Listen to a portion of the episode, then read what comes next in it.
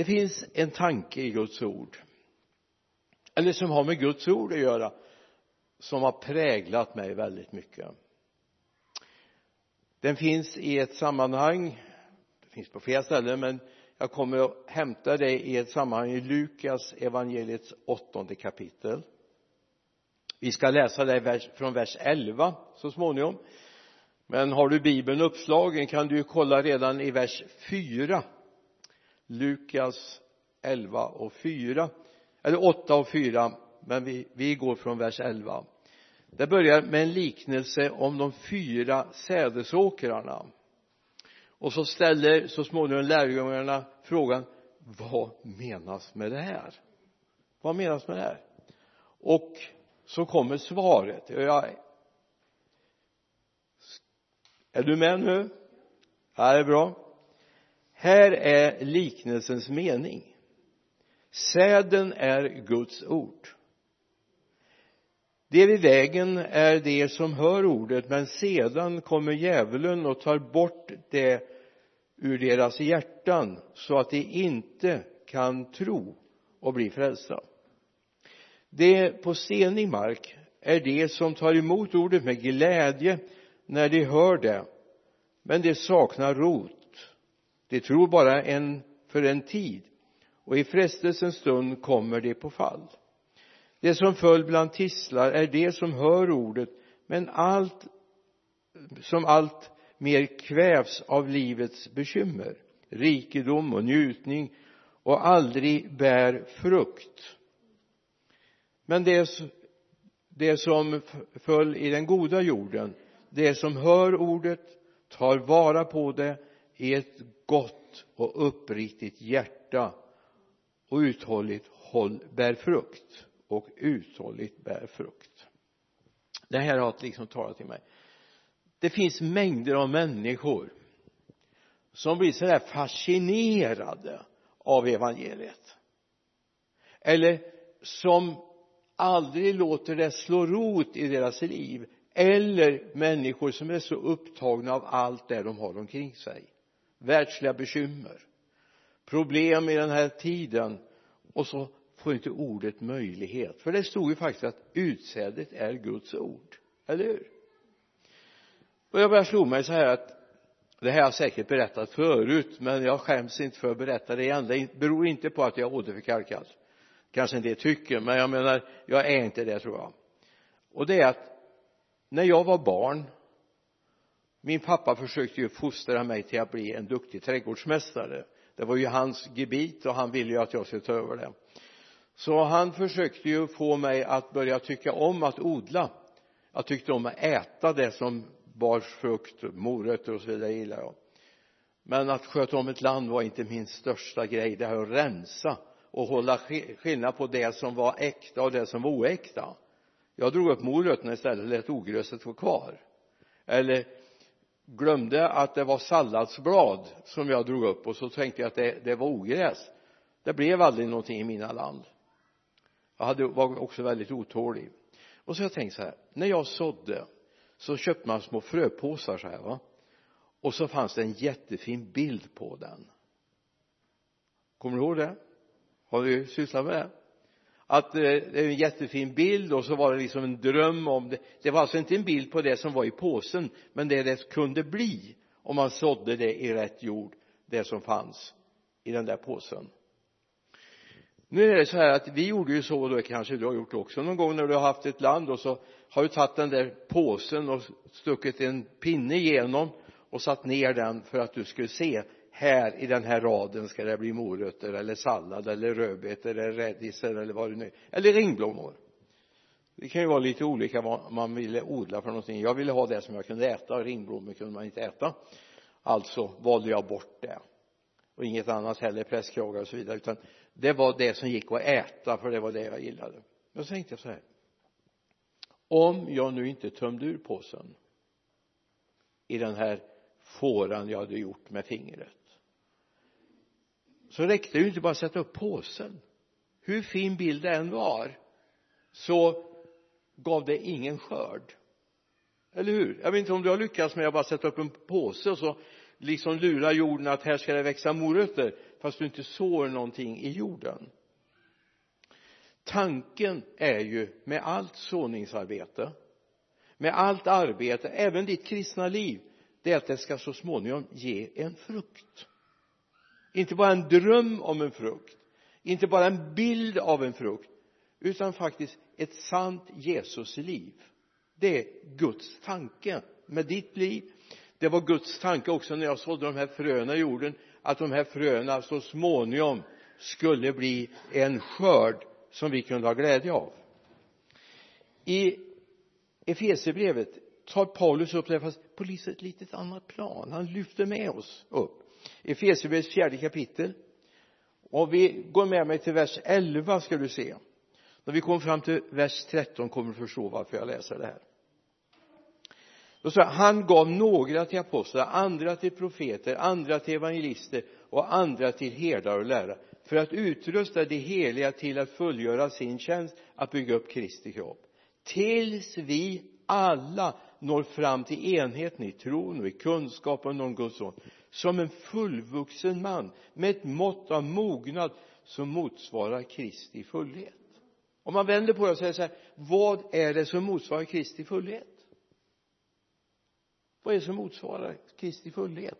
Vad är det som säger att jag faktiskt har blivit en mogen kristen? Jo vi har kommit fram till enheten i tron. Och vi har fått kunskapen om Guds son. Och vi har fått det som fullvuxna människor i Kristus alltså enheten i tron är inte oväsentlig. Det är inte så att det ska vara en provkarta på all tänkbar kristenhet. Bibeln är en läran är en. En tro, är ett dop som är allas fader va? Gud som är allas fader. En tro, ett dop. Det här är Guds ord som står där uppe, eller hur va? Och det är viktigt att se när Gud myllade ner ordet i ditt hjärta sådde det i ditt hjärta så fanns det en plan hos Gud. Det fanns en plan hos Gud. Gud ville att det här skulle bära frukt i ditt liv att du blev en fullvuxen människa. En fullvuxen människa i Kristus. Det finns alltför mycket av barnslighet i kristenheten. Men vi ska bli ett i hjärta och sinne. Vad heter de den första församlingen? Jo de var ett hjärta och en själ de hade en kärlek och de var ett i sinnet. Och det är det som ska vara den kristna gemenskapen. Och det är det som är måttet på mognad i den kristna gemenskapen.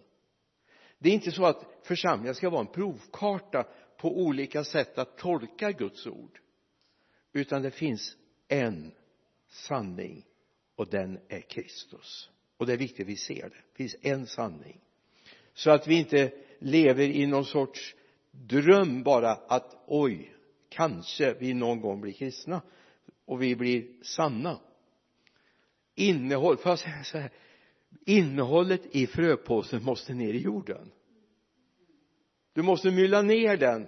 Och vad är det jag säger med det jo det du läser i Guds ord måste få tid att verka i ditt hjärta och ditt sinne det är inte bara en vacker stund du ska ha på morgonen en lite trevlig stund och läsa bibeln utan faktiskt är någonting som ska sås in i ditt hjärta.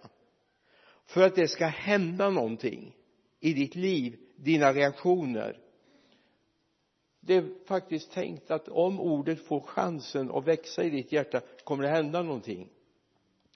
Jesus säger så här om oss, om dig, om mig ni är jordens salt vers 13 Matteus 5, 13 Matteus 5, 13 ni är jordens salt vers 14 inledningen är ni är världens ljus. Amen. Och så står det lite längre fram i vers 14 en stad som ligger på ett berg kan inte döljas. Ska vi liksom travestera lite på det och säga så här? En kristen som är på klippan går inte att dölja. Därför har jag haft väldigt mycket diskussioner med migrationsverket genom åren när jag försökt att hjälpa människor som har tagit emot Jesus och säga men de behöver inte vara så kristna när de kommer till det landet. Då kan de väl ha för sig själva. Alltså det är ju en omöjlighet. Har Jesus landat i hjärtat så kan man inte dölja. Det alla kommer se det. Därför jag lever på ett annat sätt och så borde det vara i Sverige också. Du ska inte behöva gå och tala om att jag är kristen. Ja, men det gör inget om du gör det. Du får gärna göra det. Men det borde synas. För det har med mognad i ditt liv att göra. Att människor ser att du är en Guds barn. Att du hör honom till.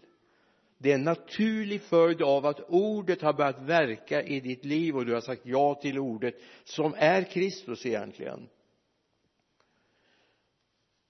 sen är det så här att ordet har ett pris. Växandet har ett pris. Oj då. Är det jobbigt? Nej. Men det kostar ett pris. Får jag ta en bild? Om jag har den där fröpåsen. Säg att jag har gett ja nu vet jag inte alls vad priset för en sån här fröpåse är ute i affären va? Säg 15 kronor och så tänker jag så här nej men nej. Det kan jag ju inte göra med mylla ner det i jorden 15 kronor ja men jag kan ju gå och köpa något bättre för det. Om det nu finns något bättre. Men faktum är att du får faktiskt öppna påsen. Du får mylla ner den i jorden. Du får klappa till. Så att det får en chans att växa så får du vattna på det. Alltså du måste offra den där påsen. Och så är det också i våra liv det kostar ett pris. Det kostar ett pris.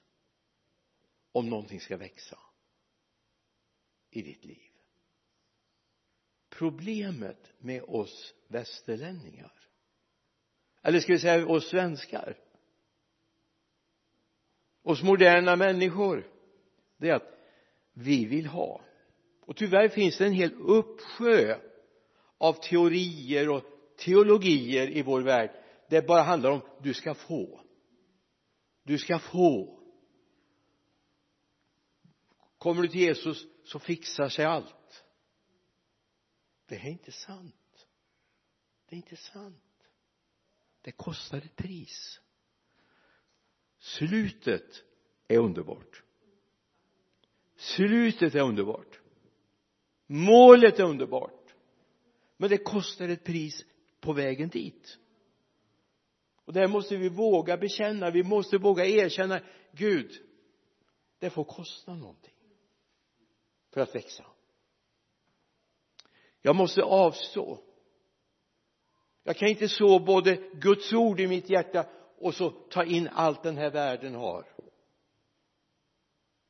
Det måste kosta ett pris om jag vill växa.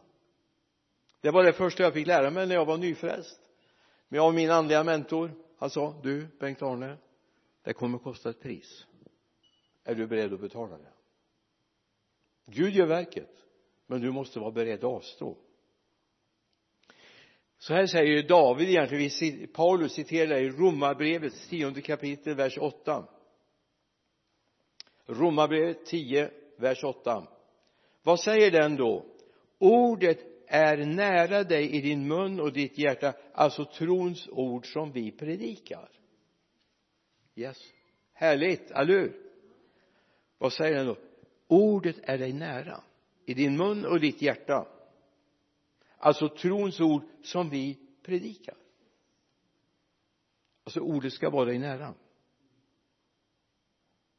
Det är inte bara en liten sån där härlig stund på morgonen eller kvällen eller när du tar den det är underbart att ta tid med ordet. Det är helt underbart. Men faktum är att det handlar också om att ordet ska få jobba med dig. Alltså ordet är inte en underhållning. Ordet är, ordet är någonting som ska få jobba med ditt liv. Ta bort saker ur ditt liv. Plocka in andra saker i ditt liv. I din trosuppfattning och så vidare. Det ska få jobba med det det kostar ett pris precis som när jag sådde jorden hemma. Jag var faktiskt tvungen att sköta om det. Vattna. Min pappa tjatade på mig om det skulle få en chans att växa till. Så jag var tvungen att ut med vattenkannan. Det var inte det roligaste jag visste. Och rensa ogräs var heller inte det roligaste jag visste. Men det var nödvändigt. Då visade det sig faktiskt att den där fröna jag hade sått hade en viss grodbarhet x antal procent grobarhet. det var inte varje frö som växte upp tyvärr. Men det hände någonting. Förra torsdagen då talade jag om var sår vi? Idag vill jag tala om vad sår vi? Förstår du skillnaden? Var sår vi och vad sår vi? Vad är det som gör att du är du? Vad är det som gör att det kristna livet har fått chans att växa i ditt liv eller inte fått chans att växa i ditt liv? Faktum är att vi har ansvar för det. Vi har ansvar för det. Vad gör du med ditt liv? När du läser Guds ord ja, men när jag började läsa bibeln så läste jag mest för att folk skulle fråga har du läst bibeln idag? ja jag har läst bibeln. Vad läser du? Det var någonting i saltaren men så har jag lärt mig. Bibeln är full av liv, av kraft, av information, av vägledning för mitt liv.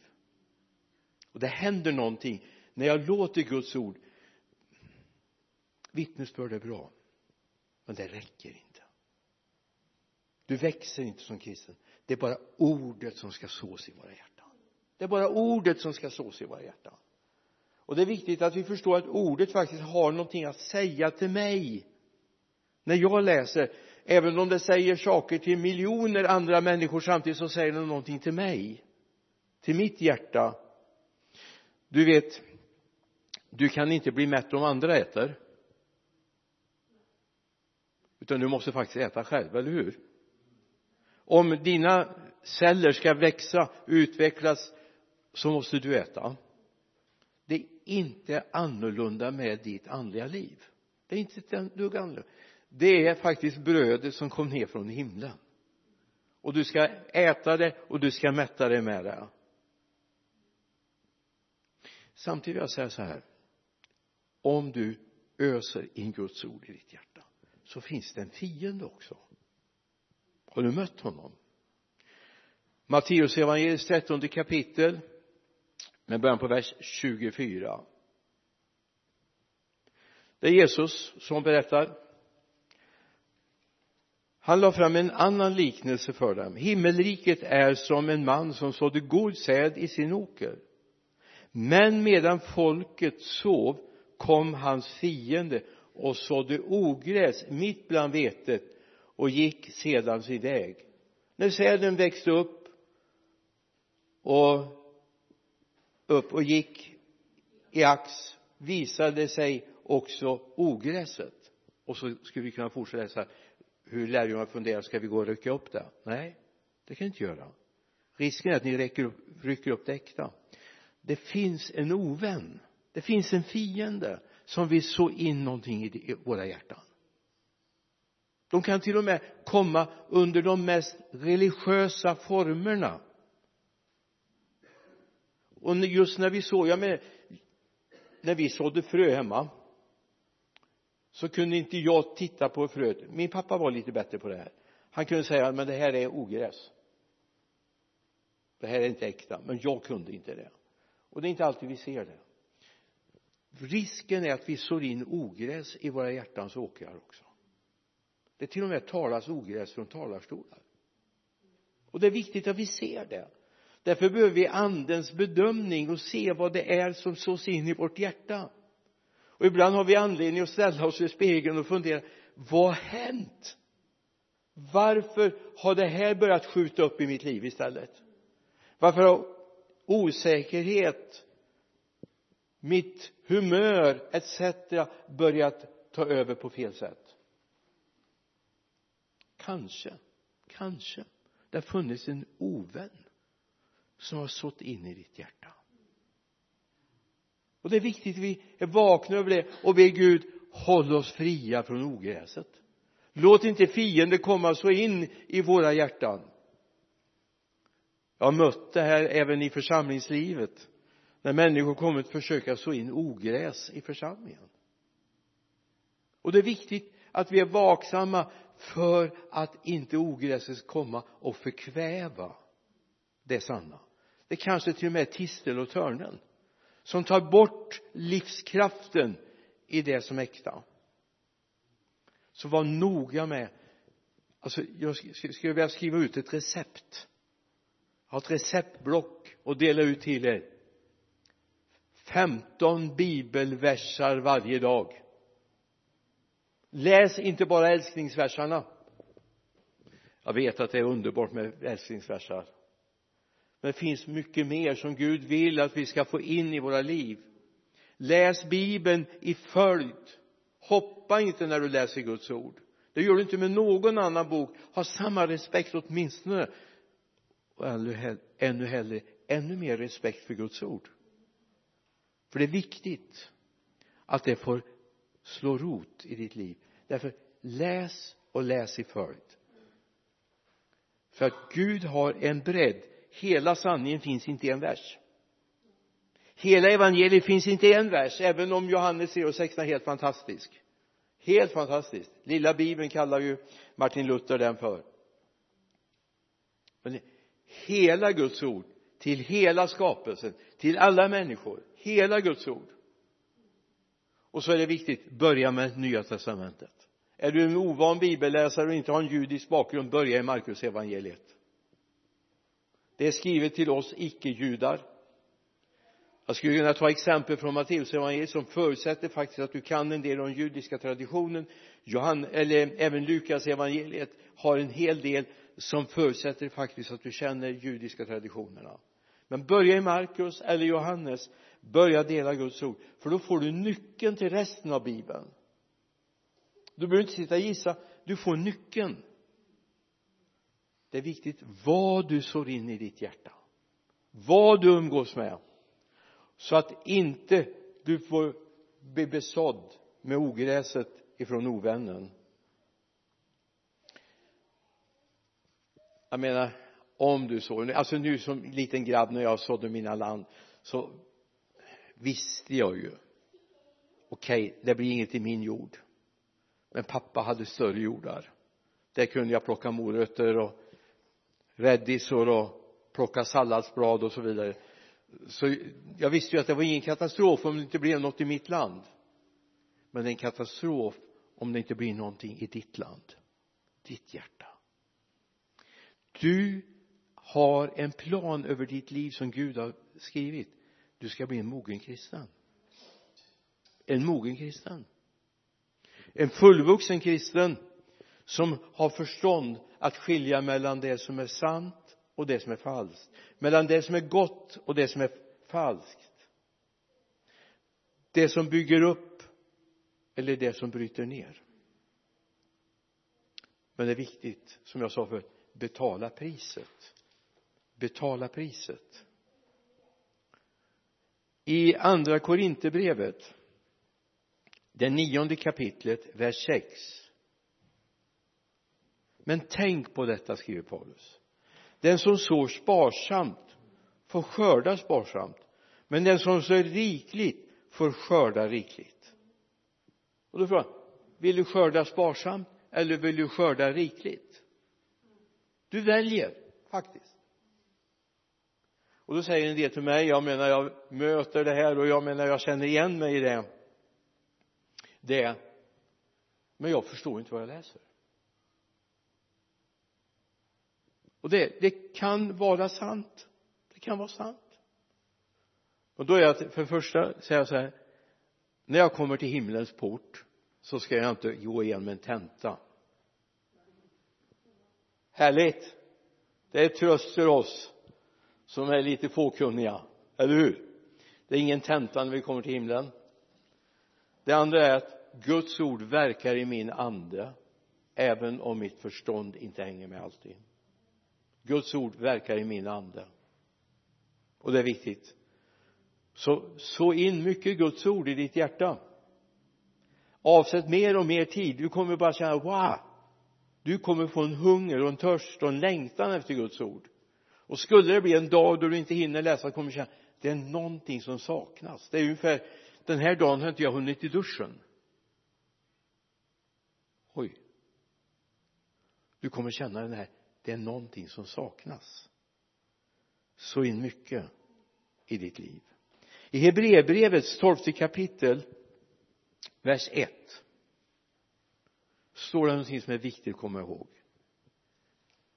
När vi nu har en så stor sky av vittnen omkring oss låt oss då lägga bort allt som tynger och särskilt synden som snärjer oss så hårt och löpa uthålligt i det lopp vi har framför oss.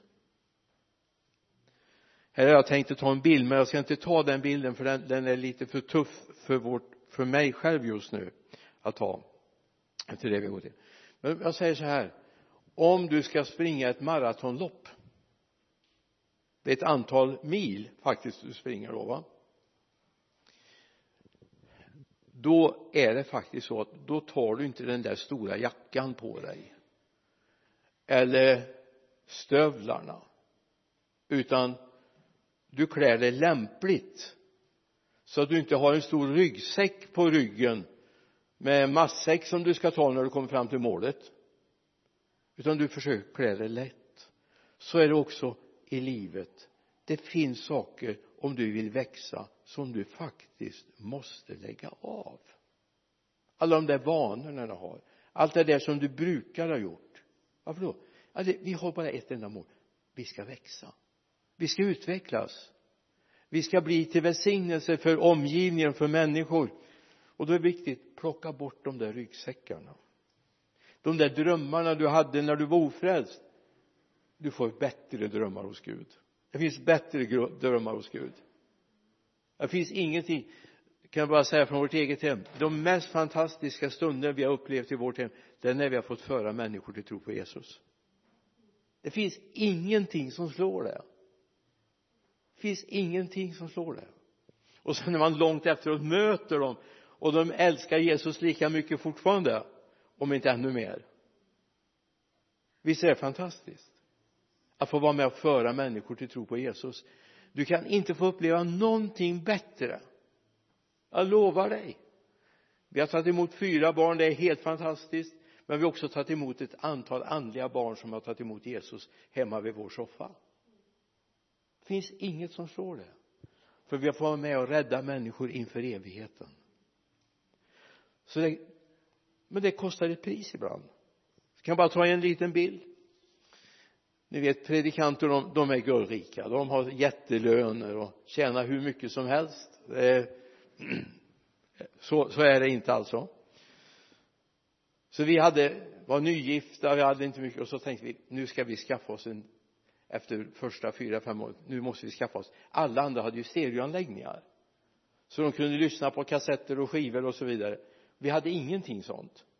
Vi kunde möjligtvis titta på en skiva men man hörde ju inte mycket och så skrapade vi ihop så vi skulle köpa den där stereoanläggningen. Och så kommer en natt kommer Gud och förstör alltihop.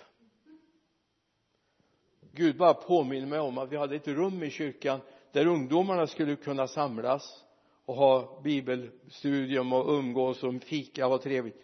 Det fanns inga möbler. Och säger Gud de där pengarna ni har satt på kontot de vill jag ha så att ni kan möblera det här rummet. Jag brottades med men när jag pratade med Birgitta var det inga problem. Och så är det klart. Vi ska köpa de möblerna. Och det gjorde vi. Första kvällen det var samling i det rummet blev tre tjejer frälsta. Tror du man var ledsen då? Och var sur och sa till Gud att det var bedrövligt att inte vi fick den där stereoanläggningen vi har fått stereoanläggningar sen. Men då var det så ibland får vi avstå för att växa utvecklas. Betala ett pris. Det är viktigt. Töm hela fröpåsen om du förstår bilden så att du får en chans att låta det växa.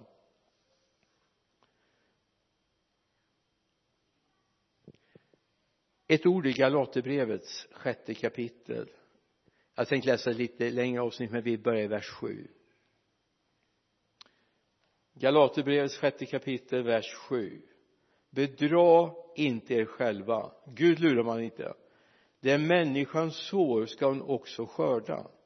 Den som sår i sitt kött får av köttet skörda undergång. Men den som sår i anden får av anden skörda evigt liv. Låt oss inte tröttna på att göra gott när tiden är inne får vi skörda om vi inte ger upp. Bedra inte er själva. Gud lurar man inte. Och så står det och den som sår i sitt kött den får skörda det som undergång. Men den som sår i andens åker ska få skörda det som är evigt liv. Och jag har bara en längtan där att vi ska längta Gud. Jag vill så i anden jag vill så i det som är sunt. Jag vill så i det som du har planerat Gud. Men det är Guds ord. Det är mötet med Jesus som vi ska så ut till människor i den tid vi är nu. Till sist jag ska göra det väldigt kort. Jag har bara en dröm en längtan en bön. Det är att Gud ska den här kvällen ge dig en bild av vad du är som mogen kristen nu tycker jag är hemsk som inte säger ja men du är väl jättemogen. Tänker jag tror det finns ett steg till. Det finns det för mig. Jag tror det finns för dig också. Det finns ett steg till. Jag har bara en dröm om att du ska få se bilden av vad en moget kristet liv är. Du ska somna med det ikväll. Du ska drömma om det ikväll och i natt och du ska vakna med bilden det här Gud vill du med mitt liv. Från nu och till den dagen du tar hem mig till himlen. Ska vi be. Jesus jag ber att du ska välsigna oss tillsammans. Herre låt oss ha en dröm om vad det är att vara mogna kristna fullvuxna kristna. Herre vi vet att vi är fortfarande kvar i mycket på barnstadiet. Gud hjälp oss och se att det finns ytterligare en nivå ja kanske många nivåer som du vill föra oss på. Jag ber om det i Jesu namn. Amen. Amen. Amen.